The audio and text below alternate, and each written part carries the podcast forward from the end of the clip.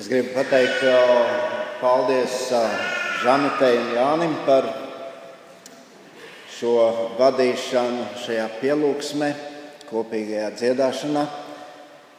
Un, es ticu, ka tas sagatavo mūsu sirdis, lai Dievs varētu uz mums runāt šajā dienā. Vispār mēs dzīvojam šodien, 8. Septembris, nevis kā bija tajā plakātā, 8. augusts. Šodien ir 8.09. Un, um, man prieks, ka daudzi ir atgriezušies no vasaras atvaļinājuma. Prieks jūs atkal redzēt, uh, prieks redzēt kādus pirmo reizi. Un, uh, ja es ļoti labprāt ar jums uh, iepazītos un pienāktu pie manis pēc dievkalpojuma. Un mums Vīlāns draudzē ir tāda tradīcija, ka tie, kur ir pirmo reizi šeit, tie arī saņem kādu dāvanu. Tā kā izmantojiet to. Dievs ir sagatavojis, parūpējies, lai sagatavotu mums cilvēkiem pietiekoši informāciju kas parāda mūsu dzīvi soli pa solim. Mēs uh, lasām Bībeli. Bībelē ir 66 grāmatas, un uh, tās ir uzrakstītas ļoti dažādu iemeslu dēļ. Bet tajā pat laikā mēs redzam, ka tās viena otru papildina.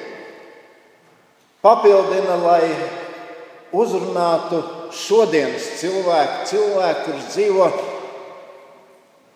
šajā gadsimtā, lai parādītu to realitāti, kur mēs esam. Lai parādītu mums, kā Dievs ir iecerējis mūsu dzīvi, lai mēs tiešām dzīvotu vērtu dzīvi. Un tāpēc man ir šodien prieks uzsākt šo svētkrunu sēriju, kuras pamatā būs pirmā Jāņa vēstule. Jūs jau varat sākt atrast viņu Bībelē, pirmā Jāņa vēstule. Tā atrodas tuvāk vienam no Bībeles vākiem, lai jums vieglāk atrast. Un es gribētu, lai mēs mēģinātu saprast ļoti, ļoti mēģināt saprast vairākus ļoti svarīgus principus, kas skar katru no mums šodien. Ja mēs tā paskatāmies, tad Jāņa pirmā vēstule ir uzrakstīta ļoti interesantu iemeslu dēļ. Un Jānis to pasaka, un ja mēs tā to censos apkopot, tad tas iemesls ir, ka katram kristietim ir liela privilēģija būt skaidri pārliecinātam par to, vai viņš ir izglābts. Dievs negrib, lai mēs dzīvotu neziņā. Dievs negrib, lai mēs dzīvotu šaubās.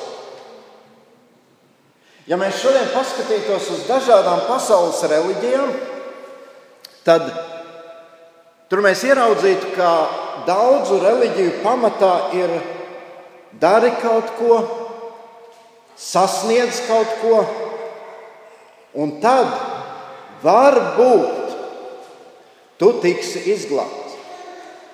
Tad varbūt tu nonāksi pie Dieva. Redziet, Bībele nav uzrakstīta tāpēc, lai vienkārši pamēģinātu mums dot glābšanu. Bībele ir uzrakstīta tāpēc, lai tu un es mēs šodien dzīvotu ar šo pārliecību, ka es patiešām esmu izglābts. Un Jāņa pirmā vēstule tieši par to arī runā. Tā dod šo pārliecību, šo pamatu šai pārliecībai. Atcerieties, ka Jēzus vairāk kārt saka, skatieties, pēc viņu augļiem jūs viņus pazīsiet.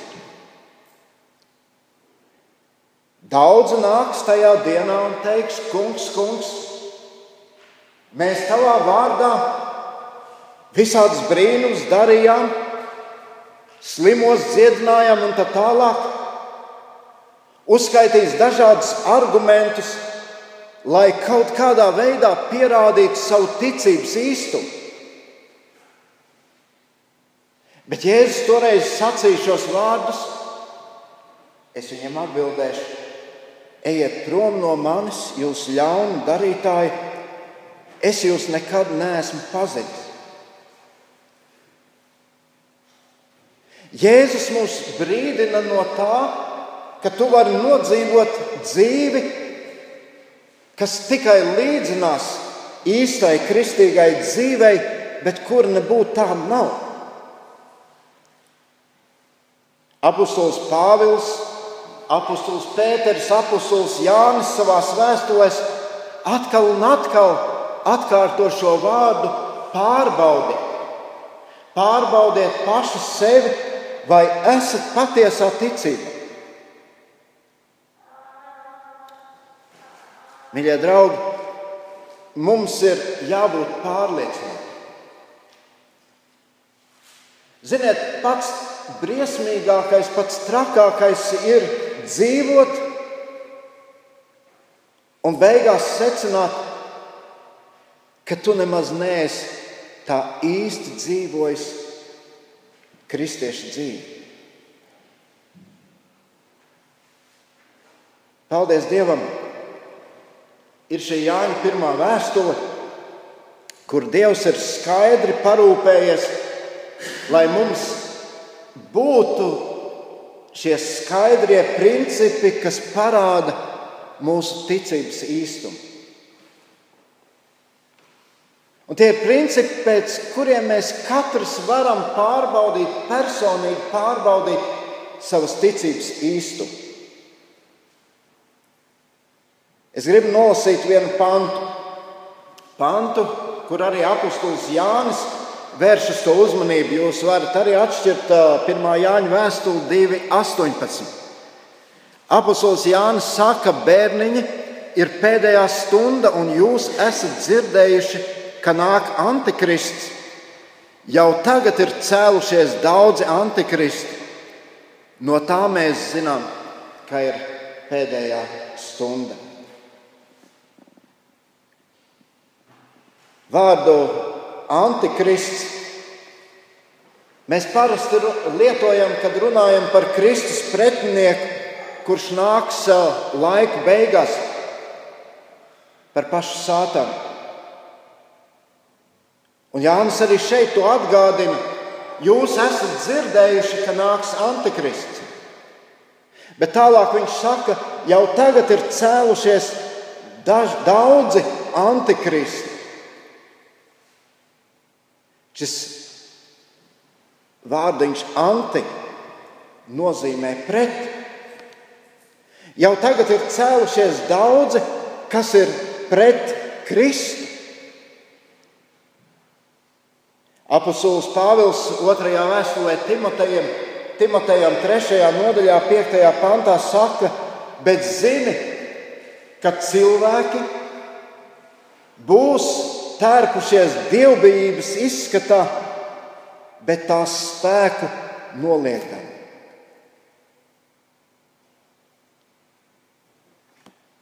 Un apustulis Jānis raksta šo vēstuli, lai skaidrotu, Kas tad ir īstas kristietības pamatā?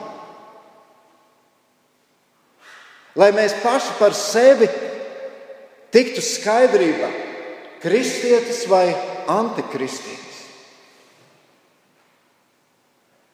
Un Bībelē ir vairākas vietas, kur skaidri tiek norādīts, pēc tā pazīs. Pēc tā pazīs. Šajā pašā Jāņa vēstulē, 1. Jāņa vēstulē, 3.19. Varam izlasīt šo pantu. un tā mēs zināsim, ka esam no patiesības. Pirms tam tur Jānis runā par kādām lietām, un beigās viņš saka, un tā mēs zināsim. Tas īstenībā ir aicinājums paskatīties, kā ir ar mani. Pajautāt par šīm lietām, kā tas ir manā dzīvē. Un, ja šajā ziņā viss ir kārtībā, tad tu vari būt mierīgs. Pirmā Jāņa vēstule, otrā nodaļa, devītais pants, kas sakās, esam gaismā un nīst savu brāli, tas vēl ir tumsa. Apostols Jānis runā par konkrētu situāciju, kad cilvēki domā, ka viņi ir kristieši, bet viņi patiesībā nemīl savu tuvāko. Un tas ir viens no principiem, par ko mēs vēlāk runāsim. Mīļie, es gribu, lai jūs saprastu, ka tas nav mans izdomājums. Tas nav Vīlāns draugs padomas lēmums, tas nav Vīlāns, tā nav Vīlāns draugs tradīcija, tā nav Latvijas Baptistu draugu savienības tradīcija. To Dievs pats saka caur savu vārdu. Ja kāds no jums saka, ka ir gaisma, ja kāds no jums saka, ka ir izglābts, bet nīst savu brāli, un interesanti, ka krievu valodas bībeles tulkojumā ir svajums sirce, savā sirdī nīst, tas vēl ir tumsa. Pirmā Jāņa vēstule Trešā nodaļa, desmitais pants. Tā top redzami dieva bērni un vēlna bērni. Katrs, kas da, nedara taisnību, nav no dieva. Tāpat arī tas, kas nemīl savu brāli. Atkal apustulis Jānis dod šo standartu, kas parāda, cik īsta ir tava ticība. Pirmā Jāņa vēstule 5.13.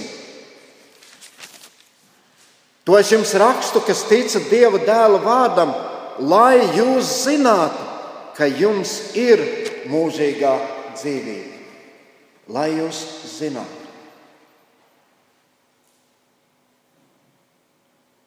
Un es ar nolūku lasīju šīs rakstu vietas, jo tās mums ļoti skaidri parāda to, pasaka mums, ka ir iespējams pārbaudīt sevi.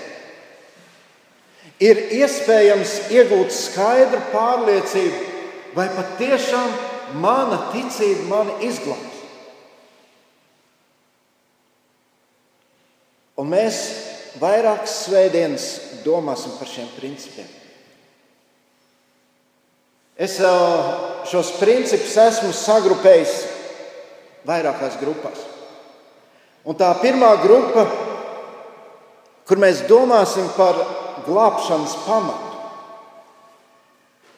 Redziet, tad, kad mēs sakām, es esmu glābts, tad sākumā apustulis Jānis runā par divām lietām. Viņš piemin jaunpiedzimšanu, un viņš runā par to, ka Dievs izgaismo tavu dzīvi.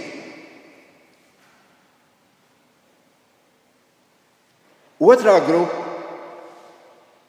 Tas ir jautājums, kā izpaužas tas, ka tu esi izglābts. Kā tas parādās tavā dzīvē? Vispirms mums ir katram jātiek skaidrībā, vai es esmu piedzīvojis šo jaunpiedzimšanas momentu, šo atgriešanās brīdi, pestīšanas brīdi. Mums ir jātiek skaidrībā, vai Dievs uz mani runā, vai Dievs parāda man kādas lietas manā dzīvē, izgaismo manu dzīvi, maina lietas manā dzīvē. Jo, ja tas nav noticis, tad nekas tālāk arī nevar notikt. Protams, kaut kas jau notiek. Bet tad šīs lietas noteikti liecinās par kaut ko citu. Ja tu esi izglābts, tad tev noteikti kādām lietām tavā dzīvē ir jāparādās. Apostols Jānis piemin šeit sešas lietas. Viņš runā par tām savā vēstulē, un viņš skaidri pasaka, ja šīs lietas nav tavā dzīvē, tad tev ir iemesls šaubīties par tavu ticību. Redziet, mīļie, šī vēstule nav domāta tur tam vai tam cilvēkam. Šī vēstule ir domāta man, šī vēstule ir domāta tev personīgi. Un es gribu, lai mēs saprastu, ka ne es, ne kāds cits nevērtēs to, vai tu esi izglābts vai nē. Tikai tu pats. Tikai tu pats personīgi vari dot šo atbildi par savu glābšanu. Un nemēģināsim izdarīt kādus secinājumus par citiem, bet apņemies tikt skaidrībā pats ar sevi. Kā tad izpaužas glābšana? Vispirms Jānis piemin, tā izpaužas tā, ka tu mīli Dievu. Mēs jau saprotam, tas ir ļoti svarīgs nosacījums. Kad cilvēks no dieva ienaidnieka kļūst par viņa draugu. Un arī pirmais balsis skan mīli Dievu.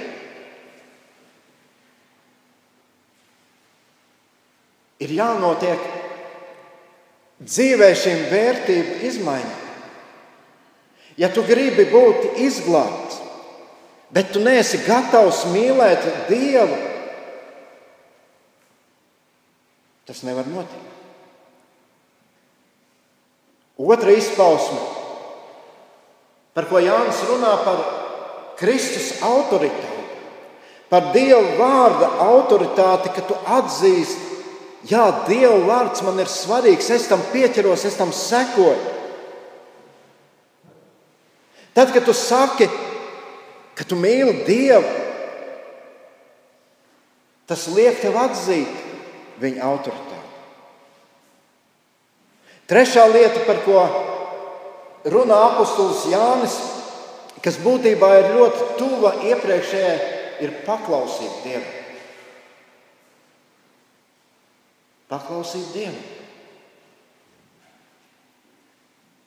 Mēs jau apzināmies, ka nevienmēr mums tas izdodas lai arī tu mīli Dievu, lai arī tu atzīsti viņa vārda autoritāti. Bet tomēr vienmēr aktuāls un atklāts ir šis jautājums, vai esi gatavs paklausīt?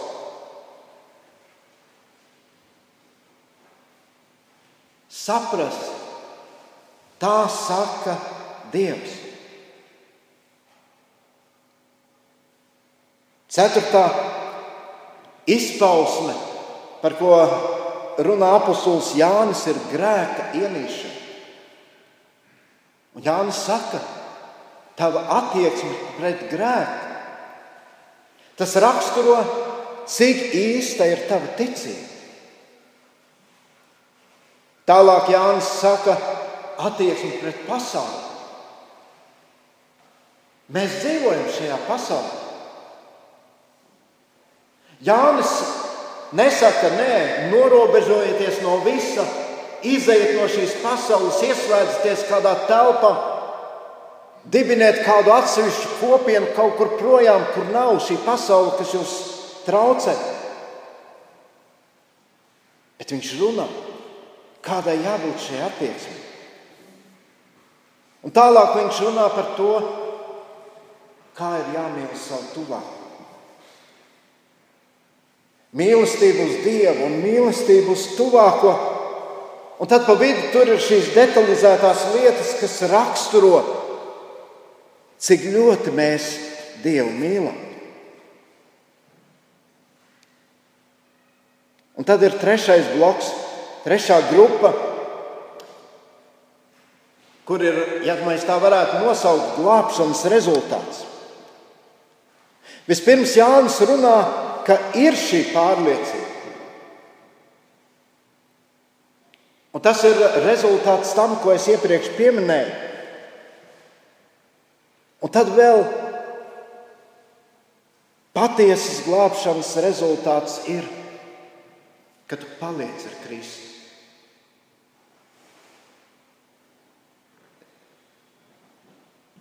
Tas tāds mazs ievads par to, par ko būs šī sērija. Un, uh, Viss šīs lietas ir ļoti svarīgas, un uh, man ļoti gribētos, ka mēs apņemamies, es būšu klāt, es mācīšos, es gribu tikt skaidrībā par šīm lietām. Šodien mēs apstāsimies pie šī pirmā principa, kas ir ļoti svarīgs, lai tu būtu pārliecināts par glābšanu. Un tā ir jaunpiedzimšana. pestīšanas brīdis, atgriešanās brīdis. Kā mēs gribam to nosaukt? Apostols Jānis sāk šo ticības pārbaudi ar ļoti interesantu lietu. Kādu laiku atpakaļ eh, es skatījos vienu no interesantajām Sandijas Simjonova dokumentālajām filmām par eh, kur viņš bija devies tālu projām pie zelta meklētājiem. Un, uh, tur bija gan individuāli cilvēki, kas uh, gāja meklēt šo zeltu, tur bija veselas organizācijas, kas strādāja ar uh, lielām tehnikām, meklējot šo zeltu. Ja cilvēks dodas meklēt zeltu, tad viņi noteikti domā, ka tas tur ir. Un redziet, tāpat tas ir ar mūsu ticību.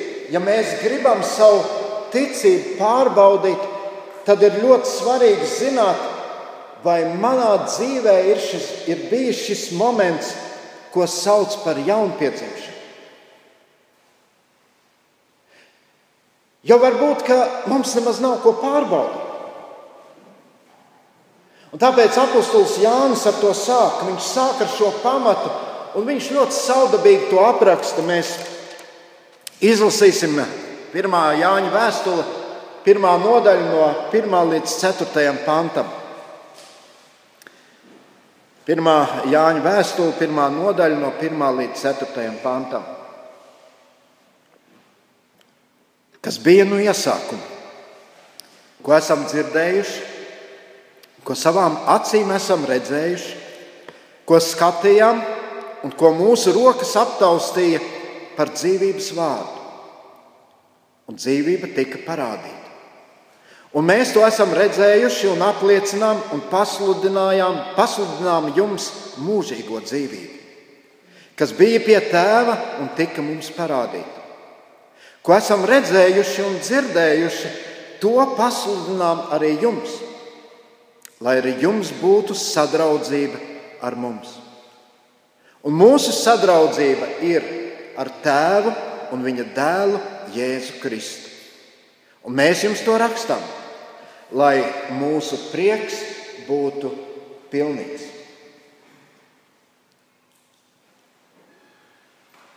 Lai tu varētu saukt sevi par kristieti, Tev vispirms par tādu ir jākļūst. jākļūst. Vispirms tev Kristus ir jāpieņem. Ko tas nozīmē? Redziet, cilvēkiem ir ļoti dažādas atbildes. Citi domā, būt par draugu locekli nozīmē tas, ka es esmu kristīgs. Un to bieži vien cilvēki uzsver. savu piedarību kādai konfesijai, es esmu baptists, es esmu luterāns, es esmu katolis vai vēl kādas draudzes loceklis. Un bieži vien cilvēki ar to aprobežojas. Viņi domā, tas nosaka to, vai es esmu kristietis vai nē. Kāds saka, nu es piekrītu Kristus mācībai, es piekrītu šai ideoloģijai. Kāds saka, būt par kristieti ir tas, ka es mainos, es mainu savus morāles principus. Bet apustulis Jānis šeit saka kaut ko citu. Tad, kad viņš runā par jaunpiedzimšanu, viņš runā par jaunas dzīves dzimšanu. Un apustulis Jānis šeit nepiemin kādas pūles, kuras cilvēkiem jāpieliek. Viņš nepiemin kādus darbus, kas viņam ir jāizdara. Jaunpiedzimšana nozīmē iegūt dzīvību. Iegūt dzīvību, kuras tev nebija. Tas pats apustulis Jānis apraksta šo sarunu ar Nikodēmu, ko mēs sākumā lasījām no Jāņa Evangelijas trešās nodaļas. Un tur Jēzus arī ļoti skaidri pasaka Nikodēmam, viņš saka, tev ir jāpiedzimst no jauna. Un Jānis vispirms runā par to, ka tā ir realitāte, kas tev ir jāpiedzīvo. Kas bija no iesākuma, ko esam dzirdējuši, ko savām acīm esam redzējuši, ko skatījām, Citiem vārdiem sakot, rūpīgi pētījām, ko mūsu rokas aptaustīja.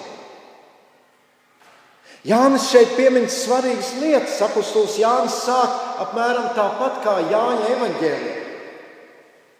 Viņš atgriežas pie iesākuma. Tā dzīvība, ko iegūst patiesa kristietis, nav kaut kas, kas radās pirmajā gadsimtā. Tā dzīvība, ko iegūst patiesa kristietis, neradās kādu garīgu aktivitāšu rezultātā. Apostols Jānis runā par to, kas bija no iesākuma. Jānis šeit saka, dzīvības vārds. Vārds bija un ir visa iesākuma. Un tā dzīvība, ko saņem kristietis, nav nekas cits, kā saņemt pašu Dievu. Redziet, tas ir kaut kas īpašs. Tas nav, to nevar panākt kaut kādā veidā, uzkurinot savas emocijas. To nevar panākt, sastādot kādu sarakstu, kur mēs vienu lietu pēc otras izsvītrojam un secinām, nu man vēl tas un tas ir jālabo dzīvē. Nē, runa iet par to, ko Dievs mums dod. Apostols Jānis te runā par to, ko Jēzus reāli izdarīja. Trīs ar pus gadu laikā Jēzus uz zemes runāja mācīja, skaidroja. Viņš reāli ko darīja. Un viņi, apstuļi, mācekļi, viņi to dzirdēja. Viņi redzēja, viņi pārdomāja, pārbaudīja, viņi pat ar savām rokām to aptaustīja.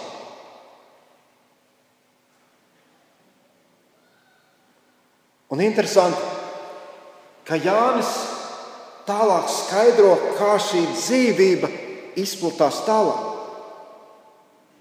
Otrajā pantā mēs lasījām, un dzīvība tika parādīta. Un mēs to esam redzējuši un apliecinām un pasludinām jums mūžīgo dzīvību, kas bija pie tēva un tika mums parādīta. Pirmais, ko Jānis saka, ir, ka šī dzīvība nav mūsu izdomājums. Tā ir dzīvība, kas ir nākusi no Dieva. Un tas nozīmē, ka mēs esam pilnīgi atkarīgi no Dieva žēlstības. Jau no paša sākuma. Tev ir jāpazemojas Dievu priekšā un jālūdz šī žēlstība. Dzīvības saņemšanā tu esi pilnīgi atkarīgs no Dieva. Tas, ka mums ir, tas, ka tev un man ir šī dzīvība, tas ne mazākā mērā nav mūsu nopelns. Dievs to dod. Otra lieta, ko Jānis saka, viņš saka, šī dzīvība ir jāsaņem. Un tad, kad tu šo dzīvību saņem, tā izmaina tavu dzīvi. Šī dzīvība noteikti atstās iespaidu uz tevi. Šī dzīvība mainīs tevi. Apostols Jānis runā par to, ka tas notika ar viņu.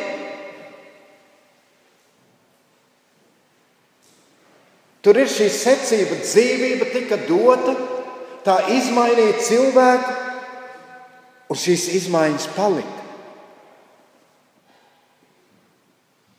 Ir cilvēki, kuri atkal un atkal, ja tā var teikt, atgriežas.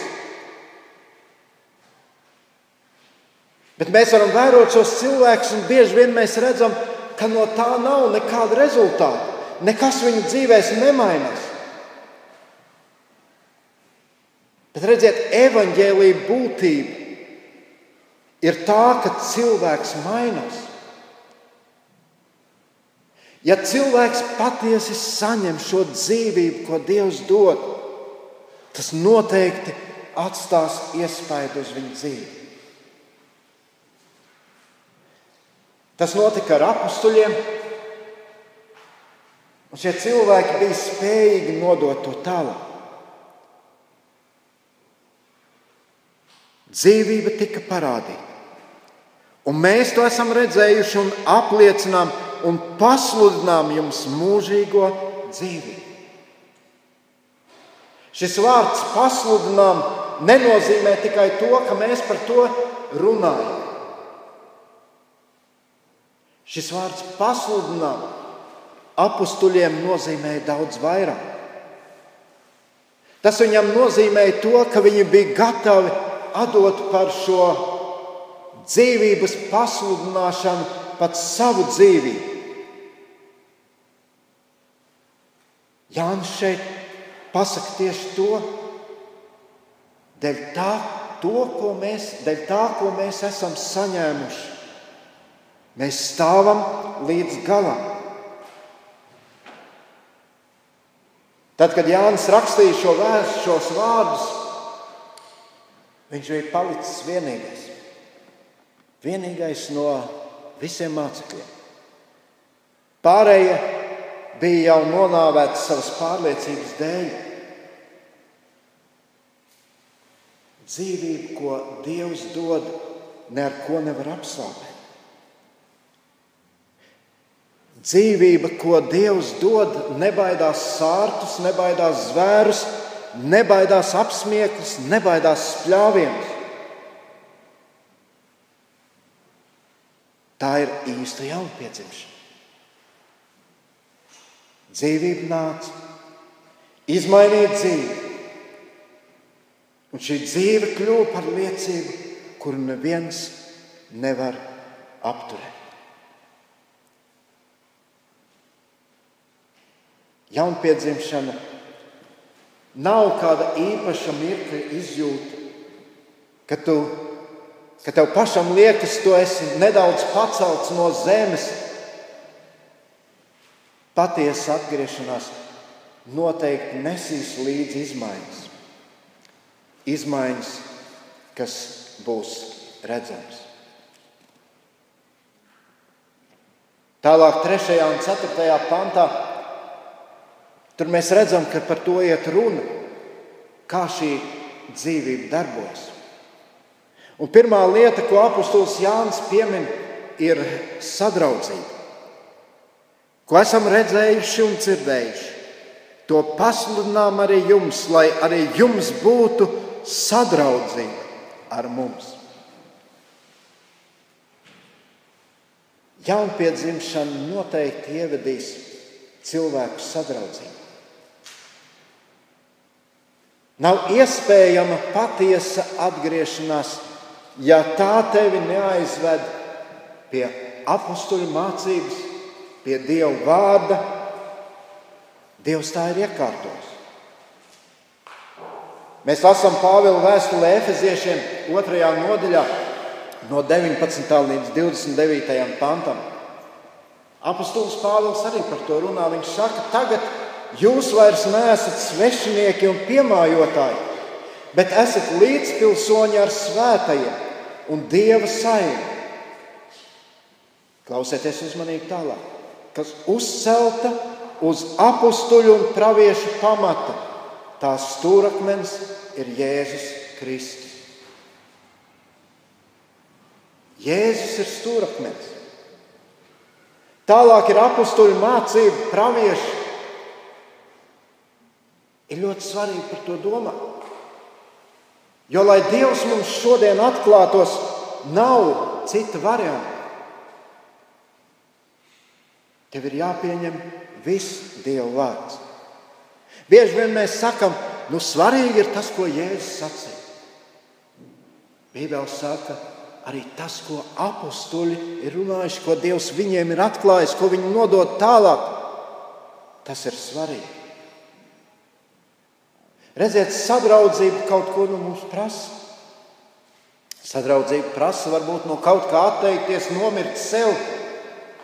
Bet sadraudzība ir tā, kur mēs arī patiesi ieraugām savas nepilnības, kur mēs ieraugām savas problēmas. Un bieži vien tas mums var nepatikt. Un tāpēc arī cilvēki daudzreiz cenšas izvairīties no šīs sadraudzības. Es esmu pārliecināts un ticu, ka draudzene ir tā vieta, kur šī sadraudzība izpaužas. Es jau pieminēju, ka vēlāk apustulis Jānis runā par mīlestību uz tuvāko. Un, ja tās nav, tad nevar runāt par jaunpiedzimšanu. Otra lieta, ko apustulis Jānis piemin, tas ir prieks. Ceturtajā pantā mēs lasām, un mēs jums to rakstām, lai mūsu prieks būtu pilnīgs.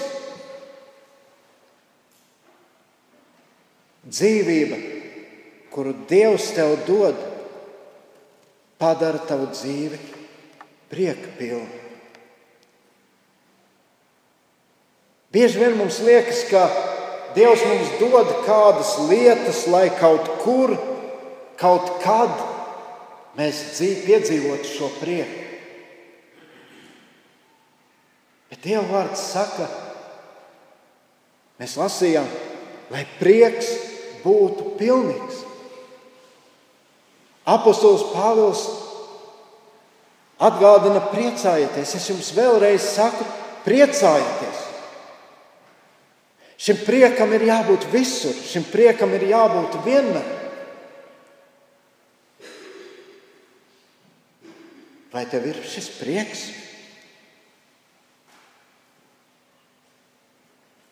Varbūt tas nav tāpēc, ka tava nodošanās Dievam ir bijis tikai kāds emocionāls brīdis. Varbūt tas nav tāpēc, ka tev nav šī patiesā sadraudzība ar saviem tuvākajiem. Mīļie, pārbaudīsim sevi šodien. Uzdod sev šo jautājumu, vai es patiešām esmu saņēmis šo jauno dzīvi, kura mani ir nolikusi uz šī stingrā pamata. Vai patiešām es esmu saņēmis šo dzīvību, kas man ir savienojusi ar Kristu, ar viņa draugu, ar brāļiem un māsām?